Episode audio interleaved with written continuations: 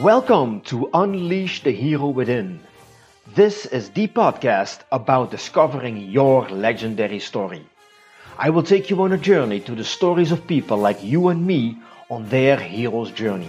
Stories about dragons we all have to slay before we can get to the treasure. My guests will share the good and the bad, valuable life lessons and words of wisdom that will inspire you to create an epic life. My name is Marcel, and you are fucking awesome.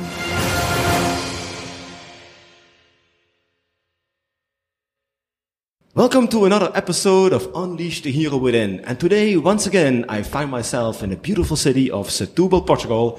And today, I'm going to talk to you about happiness with Andy Tullett. Andy, welcome to the show. How are you feeling? I'm feeling great. Thanks for having me. All right. Thank you for being here. So my first question to you is, uh, who are you and who do you want to become? My name's Andy Tullett. Uh, I promote myself as Public Happiness Andy.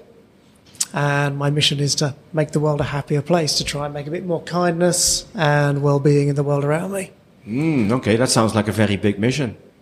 It's, it's not the smallest. No, there's a lot of scope for lots of creative paths in there. Okay, so maybe before we dig in, maybe we can talk a little bit about happiness because happiness is this word, and of course, happiness is something else for everybody. So, what is your definition of happiness? Sure. Um, I define happiness as well-being and creating a, a good life for yourself happiness itself is a very difficult term because you have short-term happiness. If, if, if you, you gave me your phone and said, hey, this is for you, this is a gift, because I don't really want it, I would be happy, but it's not real happiness. So to me, happiness is something long-term. It's having a, a life that you can be proud of and um, a feeling of well-being, even when times are bad. Mm-hmm. So you can be going through bad times, but you feel good about your life. Okay, so the the bad and times, yourself. the bad experiences are like the obstacles you have to deal with, but your life is the bigger picture. Yeah, absolutely. So something terrible can happen that you've got no control over, but if you are a happy person, if you have a, a good amount of well-being, you have the resilience to deal with that without it affecting you as badly as it might do other people. Mm. You've, you've taught yourself some tools. That's the other thing about happiness is it is teachable. You can teach yourself tools to, to manage those dips better and to really savor and enjoy the flavor of those highs. Okay. Can you share with us one of those tools, uh, please? Because people be like, okay, I have some hardships in my life. We all do, right? We have yeah. you know, all these things in our lives going on. What would be like one tool, maybe a small tool that we that people can use right now, today, and implement in their life well, I, I quite enjoy Stoicism for, for when times are bad, and that's kind of like, oh, how do you just how do you capture Stoicism in a in a in a, in a little box like that. I think we're talking about Marcus Aurelius now. Yeah, that that type. Of, I mean, it's a little bit dry. I, I wouldn't mm. want to make it a, a lifestyle as, as, such, but mm. um, it's essentially kind of like stepping yourself back from what's happening and, and also living in the moment. So one example is, I think, I think this was from Marcus Aurelius himself. Actually, he was talking about a prisoner who was happy. He was in a, in a, locked up in a small cell. I don't know if this is from Marcus Aurelius or someone else, but he was locked up in a small cell. But he was happy because he was just focusing on the day to day rather than the, the, bigger picture. He was taking every moment as it came. Uh, one of the most famous. Uh, Stoics is a, was a slave, and, and he wrote a book about how to forget about your your, your a slave in the Roman um, Roman times. He wrote about how to how to focus on just the day to day things around you. So, so you're going through a bad time, but that doesn't mean you can't stop and see the, the smile on that puppy over there who's who's playing and be like, okay, I feel good about that. You know, it's it's about really focusing on the, the good little things around you. Okay. Regardless of the situation that you're you're currently going through. Okay. Yeah. Sure. There's always good stuff in your life. You know. Absolutely, and, yeah, and it doesn't it doesn't minimize the bad stuff, but it means you can take a little break from that and, and just enjoy that. Mm. Yeah. Sure. Sure.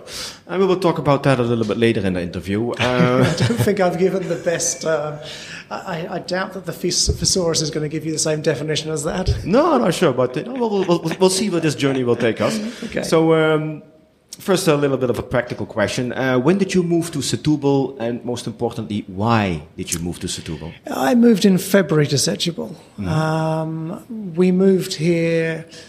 Well, I, I moved here because I'd spent much of the last 10 years living in a van and traveling around the world.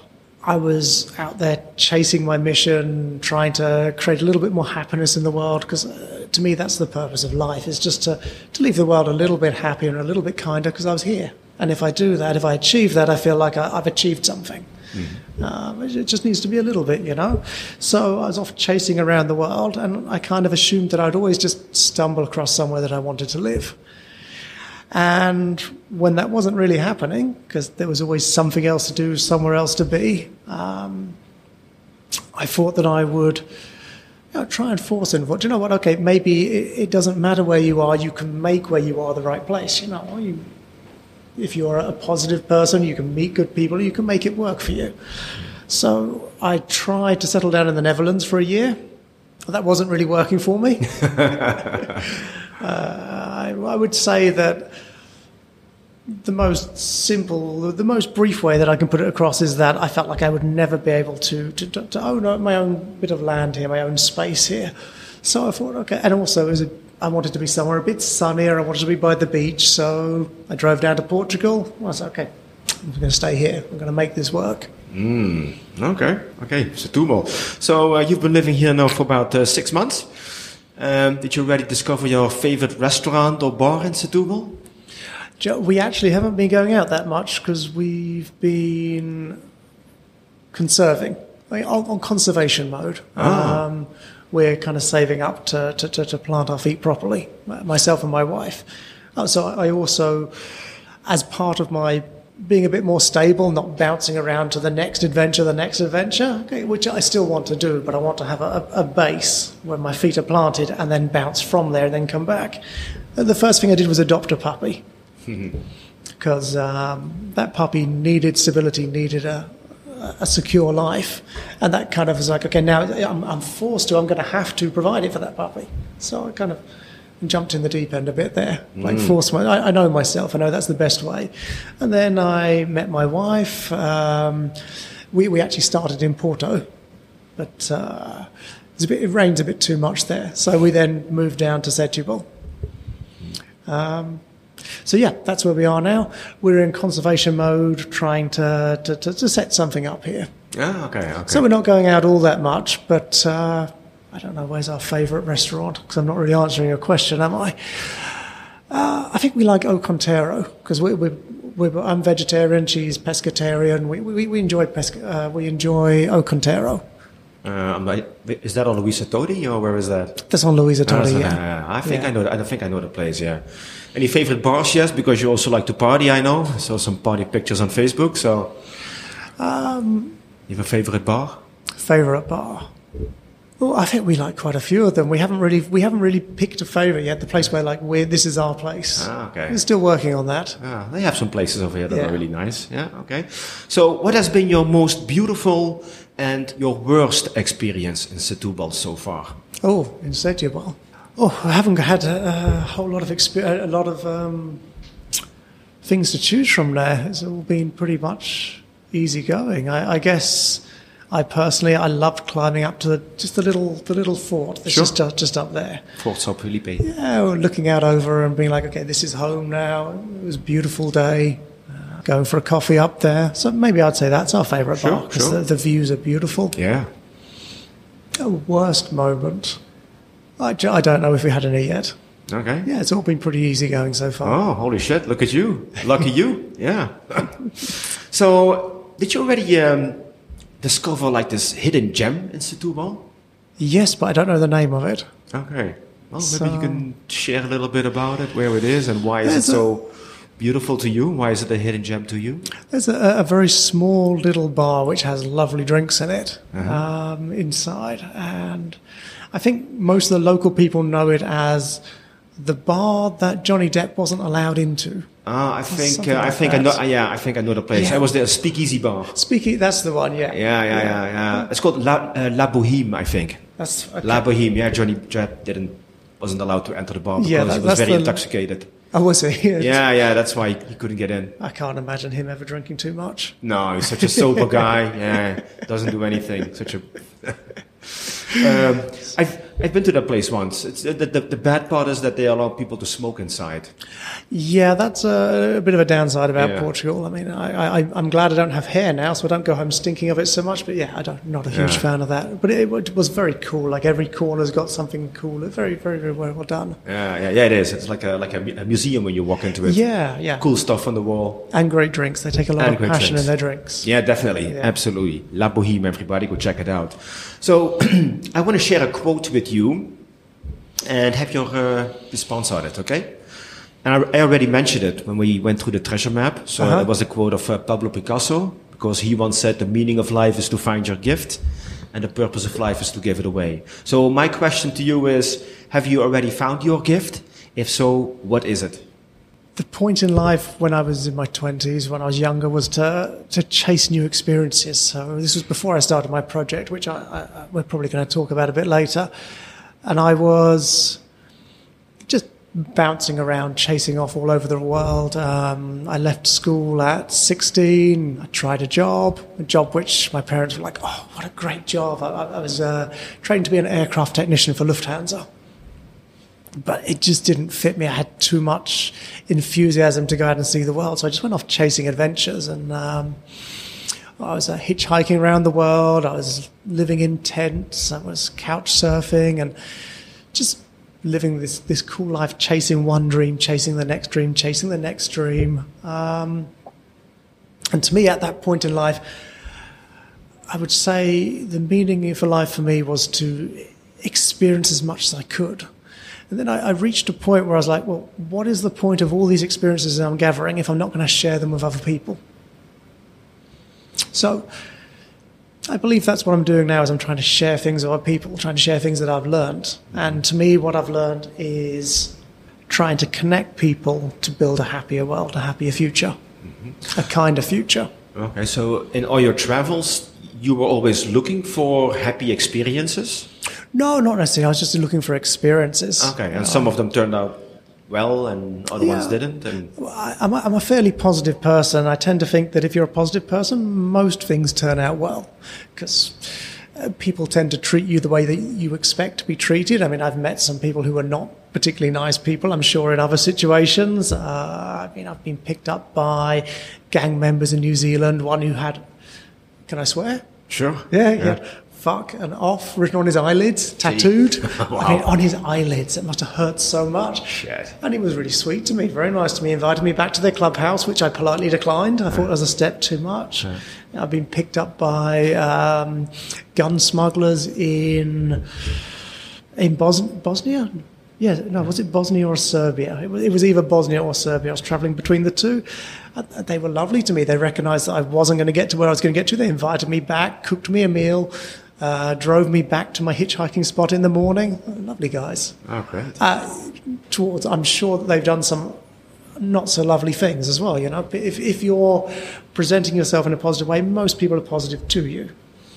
And that's not a hard and fast rule. I don't want people here thinking, "Oh, this bad thing happened to me because of this." No, I mean you can be unlucky. Of course you can. Sure. You know, but it also um, affects the way that you look back on these things. I mean, I've had a guy try to rape me in um, Bulgaria in a hostel because Oh, there's no one else there. Damn.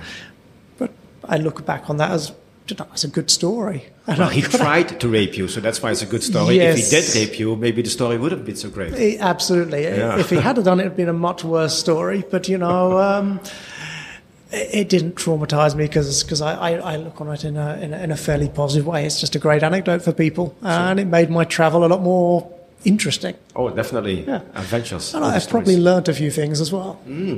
Could you share one of the things that you've learned on your travels? Because the things that you've learned are also the things that you want to share with other people, you know, in some form or another.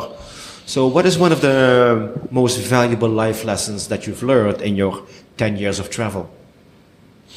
Uh, I tend to think that life is a bit like a story. Now, or you could, if you prefer books, if you prefer movies, it could be a movie. But life is like a story, you know. You don't go to the cinema or go to the library or go to the bookshop and say, I want the most bland, boring book possible.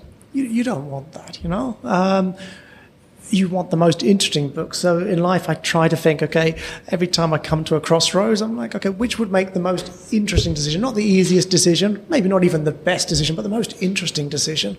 Because when I look back on my life, those are the, the, the bits that I remember. And it, it, it, makes a cooler story to remember. And yeah, definitely. To me, that's, that's creating well-being. It's, you know, I'm going to brush over some of the, the, the, hiccups in life, but look back on, on the highlights. Um, because you know, everyone has the power to choose whether they look back on the lows in life, like, oh, I did that once, oh, it was so terrible, which, you know, I mean, everyone has that from time to time. It, it pops out, but uh, you laugh that off, and I tend to just focus on the, the most positive times in life when I'm looking back on it, and it makes my life story seem way cooler than it probably was. Yeah, yeah. but I'm sure you uh, experience maybe you don't, but do you experience fear along the way on your journeys? I mean, I can imagine the guy trying to rape you in a hostel.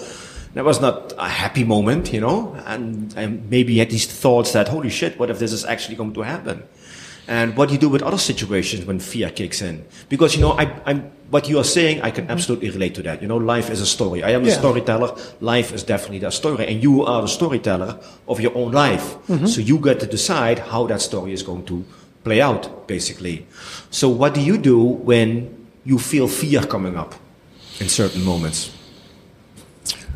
Uh, that's a good question. I, I guess, I mean, when it's a physical moment like that, like a, a threat of fear for my life, everyone responds differently. Um, I feel like one of the things that gets most people into trouble in those situations is that their own reaction because they're surprised by it.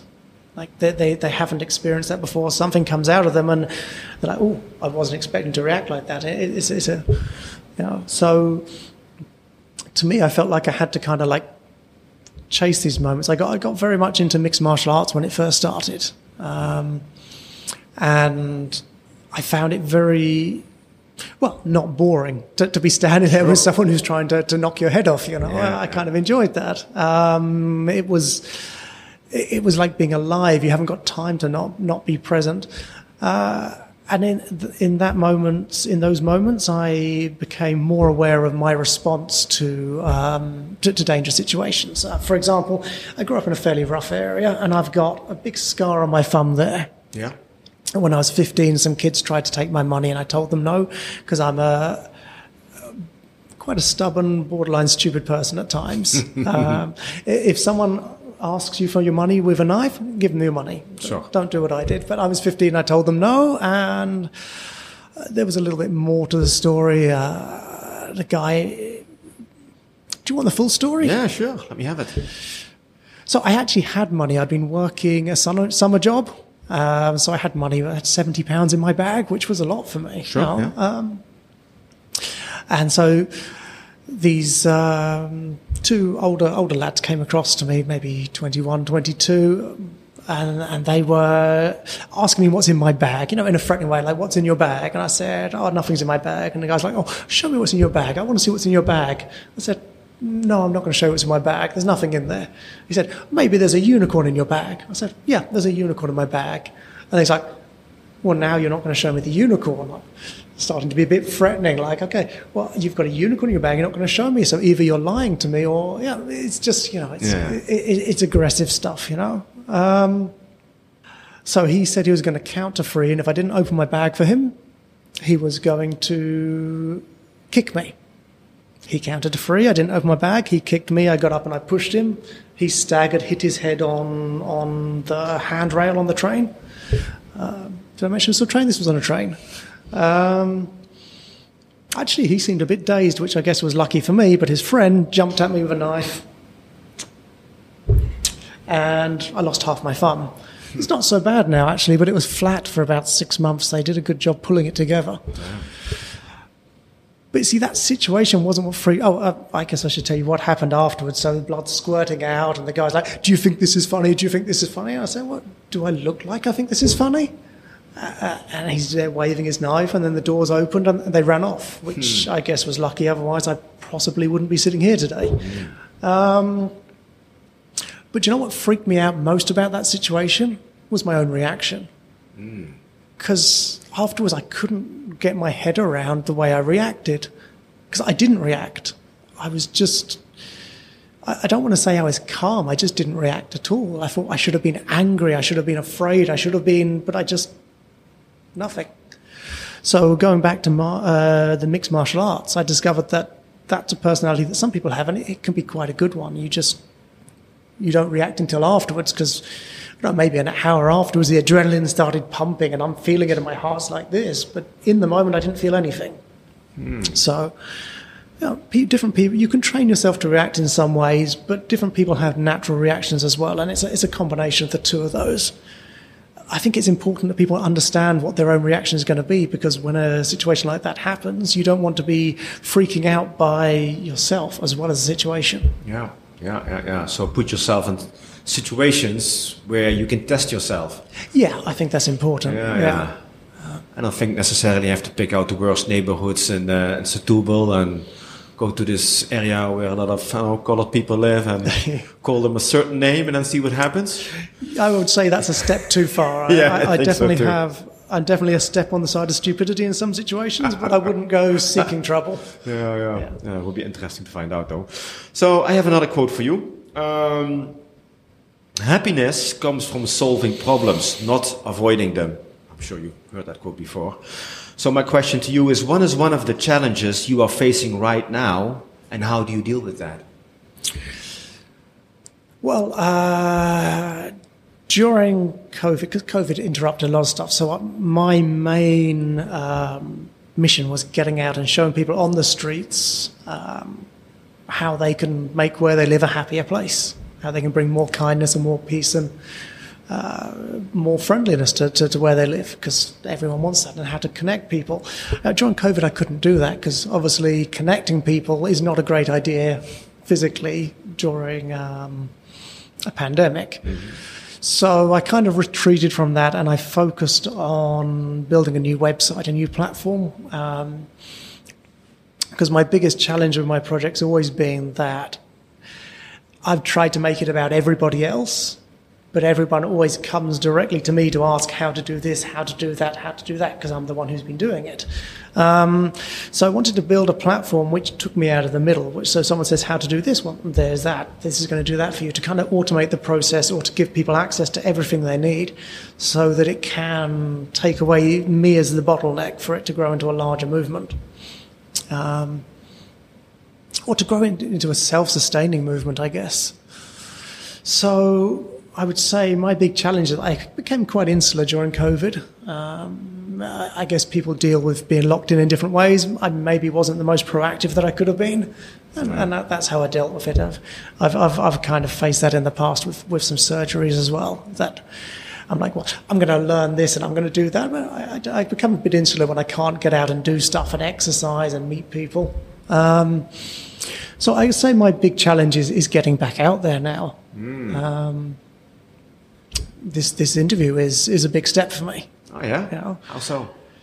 Well, not only in getting back out there, but also I've always tried to hide myself behind the projects and the people around me. I've never wanted to be like an influencer or anything like that. I I don't particularly enjoy being in front of the camera. Um, I had a six months crash course in it when a documentary maker wanted to film us, and I'm doing a lot better now in front of a camera than I was then.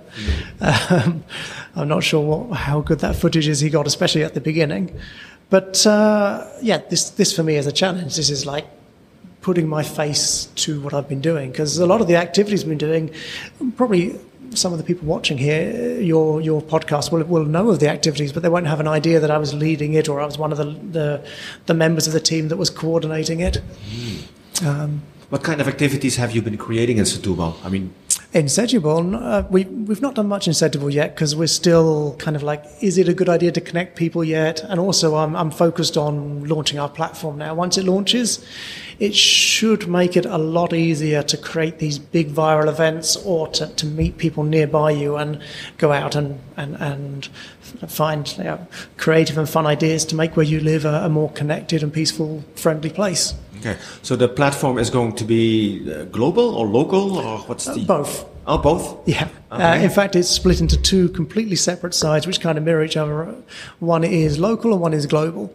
Local is you go onto there, there's a map where you can find people nearby and you can find suggestions of activities. You can send them people invites and say, hey, I want to do this. I want to do free hugs. I want to share eye contact with people on the streets. You know, things, little things which, which connect societies. Okay. And you can, so it's kind of like an event site and a meeting yeah. site. Mm-hmm. Okay. Um, but they're all focused on creating some form of happiness.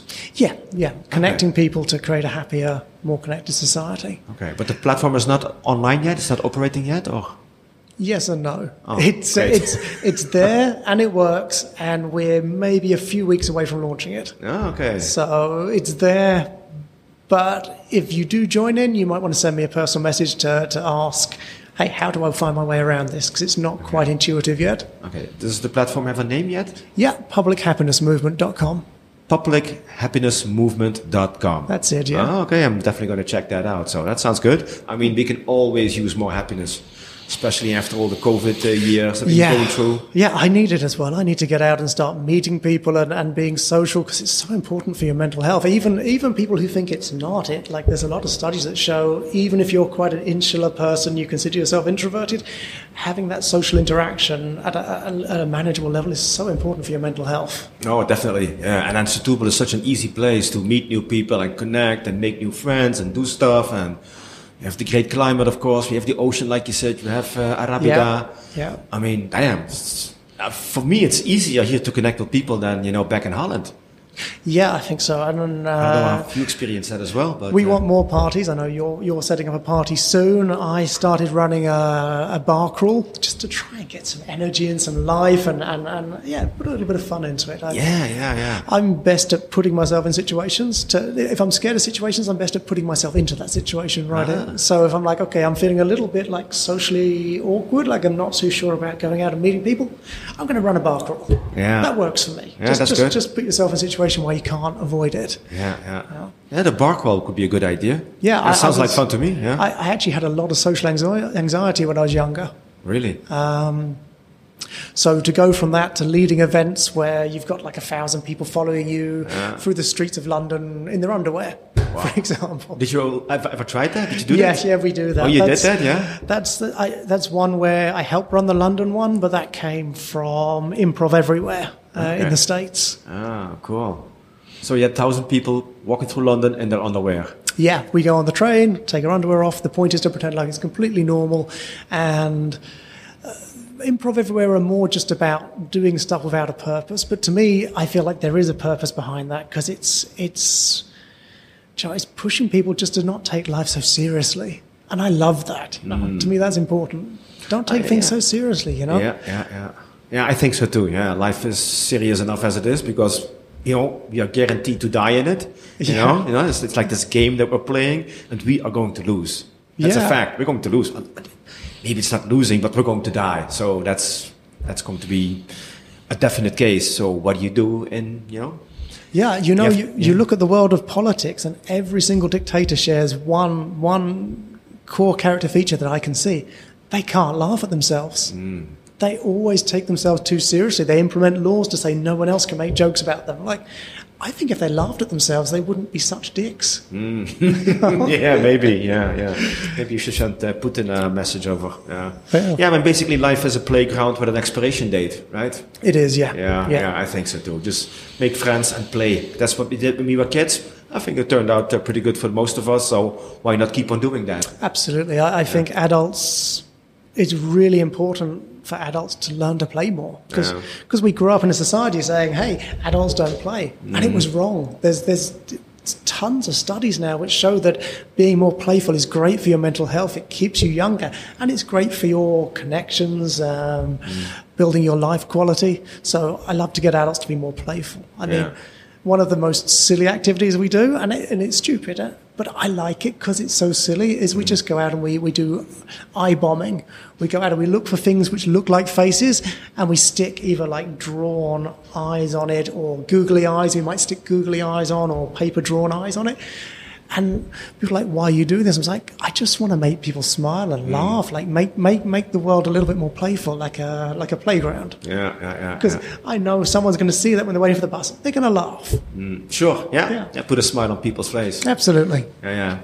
And, and I'm sure you know that through your life you've met a few people who were like, you would consider them elderly, like 70, 80, 90, but they still had that like youthfulness in their eyes and that energy.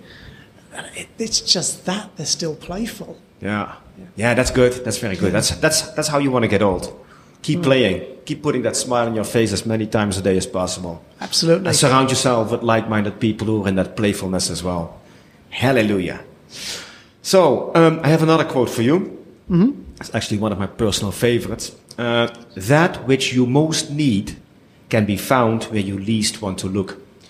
Um, so my question to you is: What was a fear that you conquered in the past, and what did it bring you? There's one, but I haven't told it for a while. I just have to remind myself. Um, yeah, okay. So I told you I was a little bit socially, I had a lot of social anxiety when I was younger. Things like singing, dancing, uh, worst nightmare. So I went to work in a summer camp in America. And I was doing lifeguard training first, so I arrived a little bit later than everyone, and the majority of staff were returning from the year before. So I'm arriving, I think it was four days late, and the staff had all, most of the staff had been there before. And we're sitting there eating, and I'm pretty happy. I'm kind of enjoying this new environment. And then everyone just stands up, starts singing, clapping, and dancing, and I'm like, wow. I, this is literally my worst nightmare. I can't think of anything that I would prefer to not be around than this. This is the worst. You know? But maybe a room full of snakes, I'll be happier. You know? um, and I just sat there like, wow, I don't even know the words of these songs, but if I did, I wouldn't be singing them. And I sat there looking really awkward until this lady came over to me, and I found out later she was the wellness director. So they had a, they had a, like a happiness wellness director for for the camp, which was very cool. You know, someone who was focusing on mental health, which I think should be far more available to everyone. Somewhat to access to someone who focuses on mental health. Um, she said, "Hey, you you don't look so comfortable. What's wrong?" I said, "This, like, I don't do this." She goes, "What do you mean you don't do this?" Like this, singing dancing. I, I don't do this. And she said, well, when was the first time you realized you don't do this? I was like, what? Never. I don't do this. And, and, and I can't remember the rest of that conversation, but I think that was about it. And the meal finished, and I, I went, oh, no, that's right. The, the last part of the conversation, where she said to me, no, you don't understand. I want you to go away and really think about when was the first time you discovered you couldn't do this? The meal finished, we went away, people were like had a campfire and they were, were, playing music and having fun. But I went to bed early. I was like, okay, this is not the place for me. I think I should be leaving this. You know, I've I've been challenging myself, pushing my buttons a bit. I, have been off hitchhiking around the world, but this is a step too far. You know, these are all of my fears. And because I was laying there alone, I, I decided to, to explore what she said. Just why not? You know, curiosity. Like, when did I decide I couldn't sing? Um, and when I really thought about it, I remembered some times when I was little when I was singing. Um, it's like, oh, okay, so I did sing when I was younger. Where, when did I stop singing? Why did I stop singing? Because apparently I did at some point and then I stopped. And at some point I remembered some, some vague memories, but, but not insignificant memories of, shut up, you're rubbish people telling me I was bad at singing. I'm sure they were right. But this is an important lesson for kids is you never tell a kid they're bad at something because they believe you. Kids are gullible. Kids believe you. And that's fantastic if you um, if you're running an activity with kids and you're or, or, or, doing a game with them and you want to tell them there's like space aliens coming because they'll believe you. Mm. But if you tell a kid they're bad at something, they also believe you. And that was huge in my life because I later came, a couple of years later, when I was studying more, I came to understand that that was a failed learning experience. And after that, I started questioning what other things was I bad at? And where did those come from? Like things that I was afraid of, you know, things that I had always assumed I was bad at. And then I started challenging those. I started seeking out situations where I could challenge those. Um, so I got up and I, that, that same summer, I got up and I, I, I would practice trying to sing in the meals, not for me, for the kids, because in American summer camps, that's what they do. They all sing. I'd be like, I'm feeling terrible now. I'm singing terrible, but I'm doing it for the kids. Then at the end of the summer, they had a thing where you would go up in front of all of the people of the camp, which was about 4,000 people, I think, and sing a song. And I signed up. Hmm. I was terrible. We did Bee Gees. but I did it, and I'm proud that I did it. And then after that, I, I, I, I, tracked down dancing classes. I learned to do some dancing, even though I'm stiff as anything. Um, I can relate those directly to what I do now in my project because I've now run like global sing alongs where people from cities go out and they get people on the trains and buses to sing together early in the morning. Really? Yeah. Yeah. Oh, that's cool. Yeah, I, saw, I think I saw some videos on that on social media. Yeah. That looks really amazing. That came from a good buddy of mine, um, Peter Sharp from America. He did the world's largest sing along. Oh wow! And I run the one in London there, and how many cities did he get to join in? He must have got about 60 cities, I think, to join in. Well, worldwide, yeah. Yeah, 5 a.m. on a Monday morning, wow. singing on public transport. Really? Uh, we were singing. Um, we were singing "Three Little Birds" by Bob Marley. That's okay. a fantastic song. Really. And you've got to be a little bit careful because you know some people do have anxiety or, uh, and, and, and, and mental health issues on the train. So let people know what we're going to do and we're going to give them a little bit of space if they'd like to discreetly move to another ca- carriage. That's fine. Mm-hmm. And once we start it, it's no problem because if people see that, they're just going to get on another carriage, you know. Yeah, yeah. Um, I've also led like uh, public dance parties and joined in public dance parties. I did that in Groningen in Netherlands. Oh, really? Yeah. Yeah. Um, oh, that was a tough one actually because I thought there were people supposed to join, but but Dutch people are very specific about their times. So I did it at six o'clock and nobody was there. And I was told later it's because everyone was eating. Yeah, dinner time. Yeah. yeah. yeah. So I ended up pulling a big boombox through the streets, dancing on my own. No, asking really? people to, and I'm like, wow, this is still a challenge for me. You know, I'm still, I'm, I'm better at dancing, or at least I'm more comfortable at dancing, which also means better at. But now I'm pulling a huge speaker through the streets with a bubble gun, dancing on my own. Oh shit. But you know, and do you know what? Nobody joined in for the first like twenty minutes, half an hour, and I'm, and I'm just feeling really silly. But uh, then some first person joined in, a couple more people joined in, and it grew into a party. Wow, really? Yeah. Holy shit, that's very impressive. I mean, it's from the same guy who was afraid to dance at that dinner the first time. Yeah, and then you're dancing all by yourself on the streets of a yeah, different city. Utterly terrified of it. Mm, yeah, I can imagine. I can imagine. Now I'm not afraid of it because because because putting yourself in the deep end and you just once you get used to something, you, are not afraid of it anymore. That's true. So that's that's why chasing your fears is, is, is a good thing to do. You know. Yeah. Actually, coming back to anxiety, that's something that's important for people who do struggle suffer with social anxiety because it's something that I came from. Is that your instant response is to run away from something, but there are the, the, the most recent science on it is that the best thing you can do is to run at what makes you afraid. Chasing it because it's fight or flight.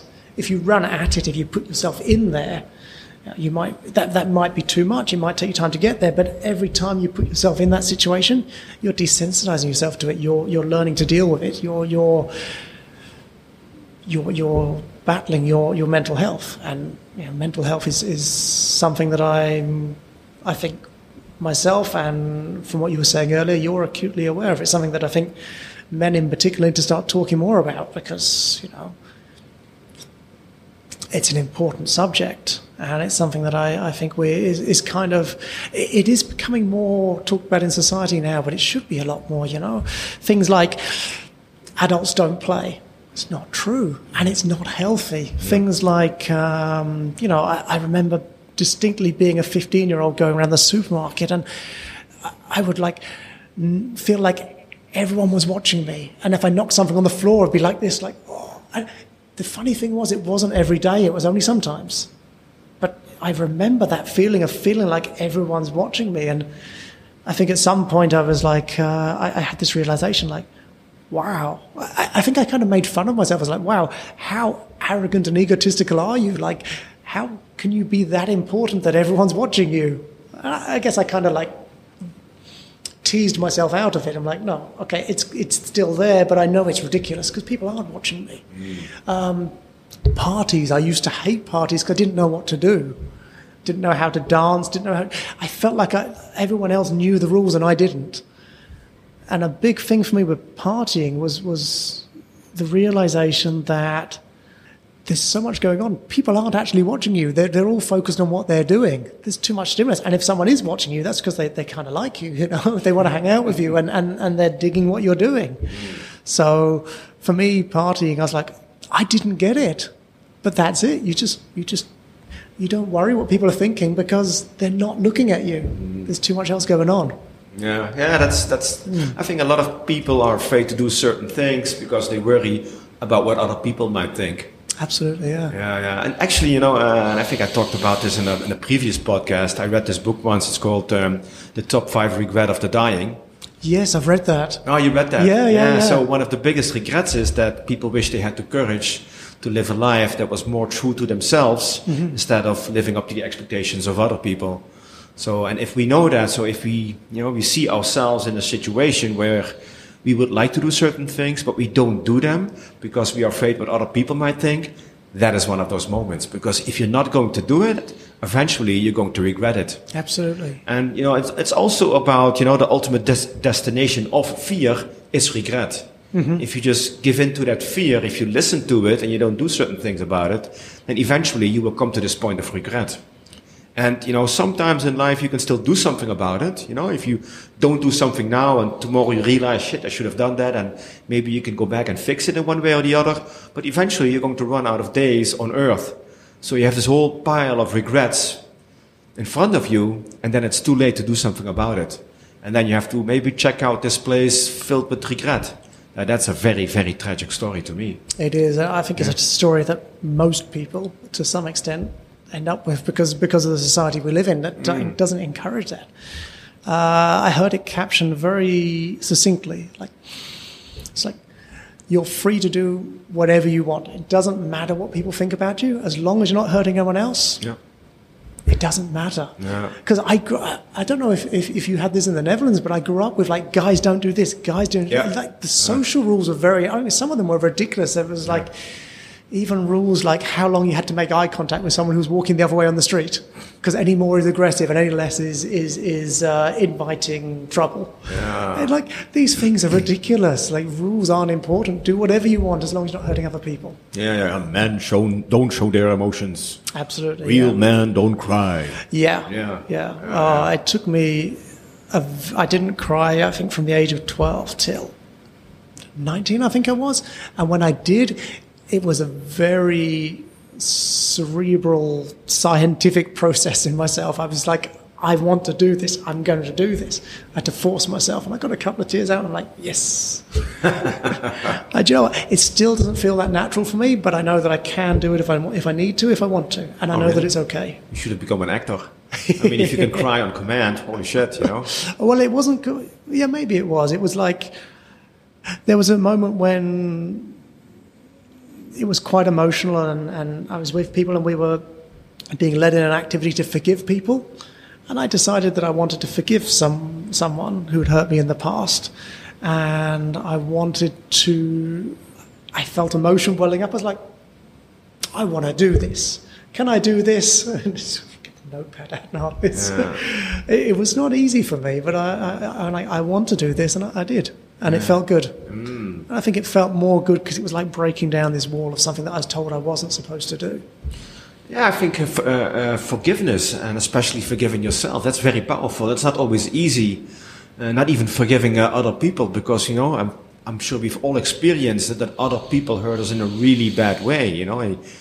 It, it hurt a lot, big pain, and we, we tend not to forgive that other person because of the pain they inflicted on us. And that can be physical and emotional, doesn't really matter, but you know, if you can let go of that negative energy, that heavy energy that you carry with you, it's like this, this overloaded backpack that you carry around with you everywhere mm-hmm, you go. Mm-hmm. So that is holding you back from the life that you truly want, want, want to live. So if you can find it in yourself to let go of that baggage, I mean, that is freedom. It is, yeah. Because yeah, yeah. it's, it's, heavy. Yeah. It's heavy. It is heavy. Uh, if we're talking about mental health, I, I want to share. I think I've already shared one or two of the things that have, have, have affected me most in my life. But there was a third thing which I would say was the biggest thing in, in improving my mental health. Wow. And that is how you talk to yourself inside your own head. Because I had this friend of mine. This is one of these these, these slightly older people. Uh, she was in her seventies or eighties, but she was just so alive. She was playful, had light in her eyes, and she just asked me like, "How do you talk to yourself in your head?" Uh, after making a bad joke, I understood she was serious, and she she said like, "Are you kind to yourself?" I'm like, "No. Is, is anyone kind to themselves?" Like I, I say mean things to myself. You know, I'm like very critical, and she just said would you talk to anybody else the way you talk to yourself in your head? I, I mean, the, the, the idea of talking to someone else the way that I used to talk to myself in my head was horrifying. You know, I'm a fairly polite person. I grew up in a society where people were mostly polite, and um, I'm like, wow, I could never talk to someone like that. And she said, well, well, well, you're a person. Why do you talk to people like that? Why do you talk to yourself like that if you wouldn't talk to other people? And that was just like taking a sledgehammer to my mind, like bang, because hmm. I had no idea. Mm. I had no idea that you could change that, yeah. uh, or that you should change that. I thought it was normal. So.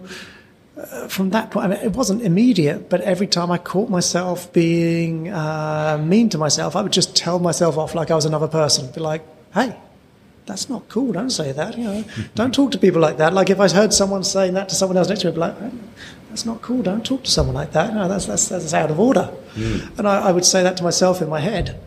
And over the next six months or a year, my head just became a softer place. Mm. You know, it's, it's, I mean, imagining how I used to live and just going around like constantly kicking myself, like, like inside your head is just constant kick, kick, kick. It, it's horrible. And having like a soft place that I can retreat into now where, there's not like this critical voice being mean to me all the time is so peaceful, so calming, so much so much nicer. So I think that's that's something that really should be shared more more. Uh, I personally think that all children should get um, psychology, mental health, positive mental health support. I think yeah. it's like it part of their schooling. It's could you imagine if we have a society of mentally healthy people growing up with all these lessons that we've had to teach ourselves, if they were taught that in school, it would be so great for society. And I mean, I know that politicians are always like money, money, money. It would be so great for economies, the economies as well, because you would have so much less crime, so much more people who are who are talented, um, good at learning stuff, you know, good at chasing their dreams. I mean it would be a much more healthy economy yeah. as well as a much more healthy society that Definitely. people actually want to live in. You know? Yeah, yeah, yeah. Yeah, of course, I'm not aware of the school system over here, the education, how they do it. I can only guess, but you know, if I look at it, uh, how it's done in Holland, then it's all focused on external and not on the internal yeah. world, basically. Yeah, absolutely. Yeah, there's is. so much to learn and so much to grow, and that's unbelievable. Mm. The whole world will transform. It, it would. It would. Yeah, it would be I can't just like it's just this this this intense image of a, a, a generation growing up with positive mental health being a, a oh. big part of their, their learning. Yeah. It would be transformative to humanity. Yeah, it would be interesting to find out how things are going over here in Portugal because, you know, we were talking about it, about when we start to live here, what is it that we want to give back? From what I understand, because I have looked into it a bit, mm-hmm. um, I do have the hope of raising a family here at some point. I, from what I understand, it's a bit of yes and no. Um, like people here are, how do you say, society is very like, no, accepting is not the right word. Society is very safe. Young people seem like they have a, a wonderful life here. Like they can just hang out in the parks. I mean, I remember walking through the park and seeing teenagers hanging out like late at night and thinking, yeah, there would probably be a pro- problem starting now if this was in England, but not here. No, it's just it's just people here are, pretty happy and pretty kind and pretty satisfied with life. But on the other hand, I also know that Portugal is not the highest on um, like mental health scores, mm. uh, and I know the schooling is te- is considered to be quite old fashioned in that way. Well, so same as I think schooling in England was very, very much focused on subjects, subjects, subjects. Nothing yeah. about you know, teaching people to be a good person, just teaching them subjects which are loosely related to, to, to some industries they might go into in the future. Mm. Uh, yeah, yeah, yeah, yeah. I think it's very um, uh, occupational oriented. So you know, they educate you to become a doctor or a lawyer or an engineer or yeah. Whatever. You get a high paying job, but then you have all these people who educated themselves in that field so there's not going to be enough jobs. So you have, you know, overqualified people, you know, flipping burgers, driving taxis and stuff like that. Yeah. And then they don't even know what it is that they're looking for in their lives anymore. I'm sorry. So that's okay. so, um, you know, it'd be interesting to see if there's, and actually I talked to somebody about that in Portugal, but um, that's a whole different story. I won't get into it right now. But there yeah. is hope. There is yeah. I don't know. There's demand for that. I but guess. I'm curious, um, yeah. and and I think what attracted me most to living here is that people seem happy, but I, yeah. they they seem like they they're they're quite content with um, what they have. But I'm also aware that's not strictly true. It's more about how it's presented. Yeah, I also heard that appearances are very important over here. Mm-hmm. So how people present themselves to the outside world doesn't necessarily mean that that's how they are feeling or living. Yeah, and, and so. I think they're also desperately in need of, of um, some dance parties, some public dance parties, mm. some street parties, some some getting out of their shell and understanding, yeah. hey, it's okay. You don't have to care what other people think. That's I think that's yeah. something that's quite important here because people yeah. are quite reserved. Yeah, yeah, yeah, yeah. As you say, quite concerned about what other people think about them. Yeah, yeah, I think so too. Yeah, yeah. So um, I have an entire list of questions here, 46 to be exact. Oof, how many yeah. did we do? No, well, I think we have time for one. So you just pick a number between 1 and 46. Oh, we yeah. haven't started. Yeah. Okay. Oh, we, we, we're almost finishing up actually. Okay. Yeah, so it's great. You just pick a number between 1 and 46 and that's going to be your question. All right. I'm pleased we're not going to do all 46. No, my, no, no. My, my, bladder thanks you. Okay. So. Um, let's do 11. 11. Number 11. Okay. What is the best advice you ever got? Oh, I may have already covered that, but maybe I'll try and think of another one for, for answering that question. I think the best advice I ever got was was that, that counselor, the the well-being officer in the summer camp in America, who told me, um, who asked me to think about when I first decided that I um, couldn't do something. Mm-hmm. But if I need another example, let's do question 12. I feel like I've already answered that one. Oh, okay. Oh, wow. I think this one's even more challenging. Okay. Okay, finish this sentence. You would really know me well if you knew. I think I would say, I think I would say how much I struggle. I'm not sure how much I want to expand on that, but uh, I think particularly now going through COVID, uh, not even before then, I, I've made myself a little bit, a little bit of a martyr for my cause, pushing to try and make a change at the expense of my own life, which I've tried to pull back a bit now. I've got the dog. I'm not living in a van anymore, which I did for 10 years. Um, I'm eating for more than one or two euros a day, um, which is nice. But uh, yeah, I'm, I'm still struggling a bit with. I mean, everyone's struggling with some things. My, my personal thing is ADHD. I really struggle with um, starting things every day. And it's like, okay, sometimes I start and I do fantastic work, but it's so tiring having the same battle every day to begin. Mm. Um, it's like auto executive uh, issues. It's actually sitting down and being like, I'm going to start now. Um, I think that's my biggest struggle. But in the past, my biggest struggle has been being so focused on my cause at the expense of myself. So people see me at these events, they're like, "Wow, this guy has a great life. You know, he's he's leading pillow fights, he's hmm. um, leading dance parties, he's got all these cool people around him having fun." I'm like, "Yeah, but you don't see the 95% of my life where I'm sitting alone in my van or sitting alone in a bar on a Friday, Saturday night when everyone else is having fun, and I'm there on my computer organizing, mm. planning." Trying to make a change. Um, I think I was maybe not not the um, maybe I could have done that you know, I could have done that in a more healthy way. That's been part of my journey. Uh, I could, and do you know what else? It would have been more effective because people want to be with, around you when you're happy. They want to be part of what you're doing if it's fun.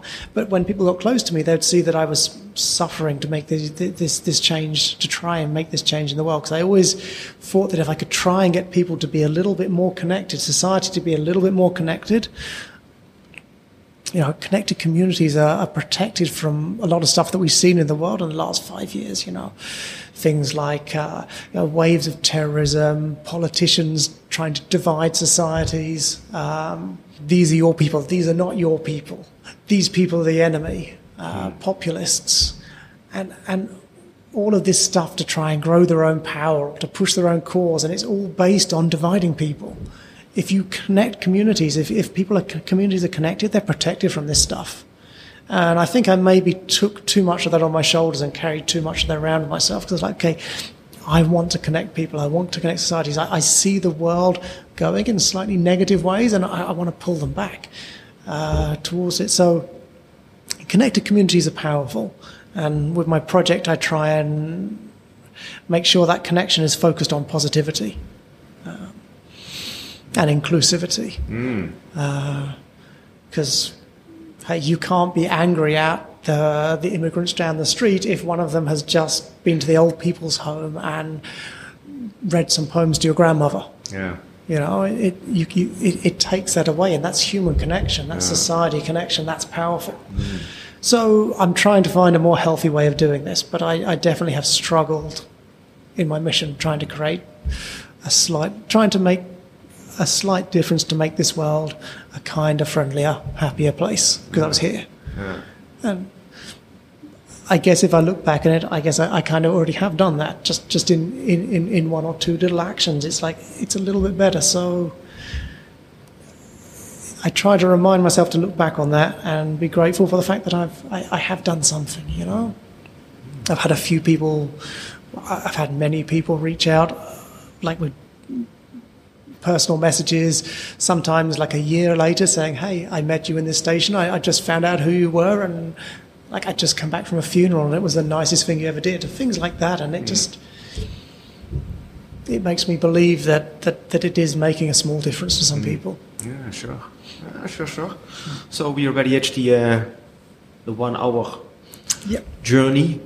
Um, you have the last word. Is there anything that you would like to share? Any last words, final thoughts? Oh yeah, um, one other side. So I told you before, if you remember, think back about the local side where people come together of our platform that we're building. We also have a global side where if you've got a particular skill, like storytelling, for example, or graphic design, you come there and say, I've got this skill, I'm interested in this subject, and you find projects that people from around the world are building together. Oh, wow. Um, which again are based on connecting communities and empowering local people to create change because mm. everything I do is all about grassroots and local, mm. uh, even if it happens to be on a global scale. We're currently trying to launch a platform which connects communities and helps them to help people who are homeless nearby because I feel like there are more people who want to help than there are who are homeless in the majority of countries, the vast majority of countries around the world. But people don't really know what to do or how to connect in a healthy way. So we've been building a platform based around that. Um, collecting the most effective ideas from around the world, um, like crowdsourcing them, having people discuss them and discuss how to implement them where they live, and then you can go and then be like, "Hey, I want to do this." I mean, we've we've had a, a guy who. Um, sectioned off a little corner of his uh, backyard. Put a fence in there, put a fence there, put a gate there, so it was like a little cubicle. Put a lock with a, um, a padlock with a code on it. Posted the code on our platform, and he put a shower in there. Right, there's just such a great idea. So we can connect with people who are homeless nearby. We get these posters out to the to shelters. Um, most people who are homeless do have access to the internet or smartphones, but if they don't, we can also arrange like smartphone collections because I'm sure yeah. a lot of people watching here have got a drawer with a few of them in there. Yeah, like all the phones they don't use. Yeah. Yeah. So we're launching this platform and we need a little push to get it out there, particularly marketing. I'm terrible at marketing. I have no idea what I'm doing. Um, so we're trying to get like marketing, a few web de- more de- web developers, some graphic designers together, and we're going to push this out. And we're going to do this in, I think, two or three weeks' time. Um, yeah, and I would just love to see that out there trying to help people because we've been building this with, uh, it's all been volunteer built. We've been building this for about four years now it'd be so nice to see it helping people. Okay, one more time. What's the address again? I would say come to the main side, which is publichappinessmovement.com. because the homelessness platform is not the best place to communicate now. Ah, okay, okay, okay. But if you're curious about that, you can see it. There is something there. It's called brightertomorrowmap.com. Okay, okay. Okay. Great. So publichappinessmovement.com, pop over there, send me a message, and I'll direct you to how you can join in. Okay, great. Yeah, because more happiness is always good. Well, Andy, we've reached the end of our journey. We've reached our destination. Uh, I want to thank you so much for taking the time to come here uh, and speak about your projects, about your life, share your stories, your, your insights. And so, thank you very much for being so uh, open and vulnerable. Uh, dear listener, thank you again uh, for your time. Thank you for uh, listening in. I hope you um, learned something as well. Uh, please share it with as many people as you as you think should hear this as well. And um, see you again on the next episode. Thank you. Fantastic. Thank you so much for your Thank time. you. I've really enjoyed it. All right. Thank you. bye bye. Oh, and thank you all for watching. thank you.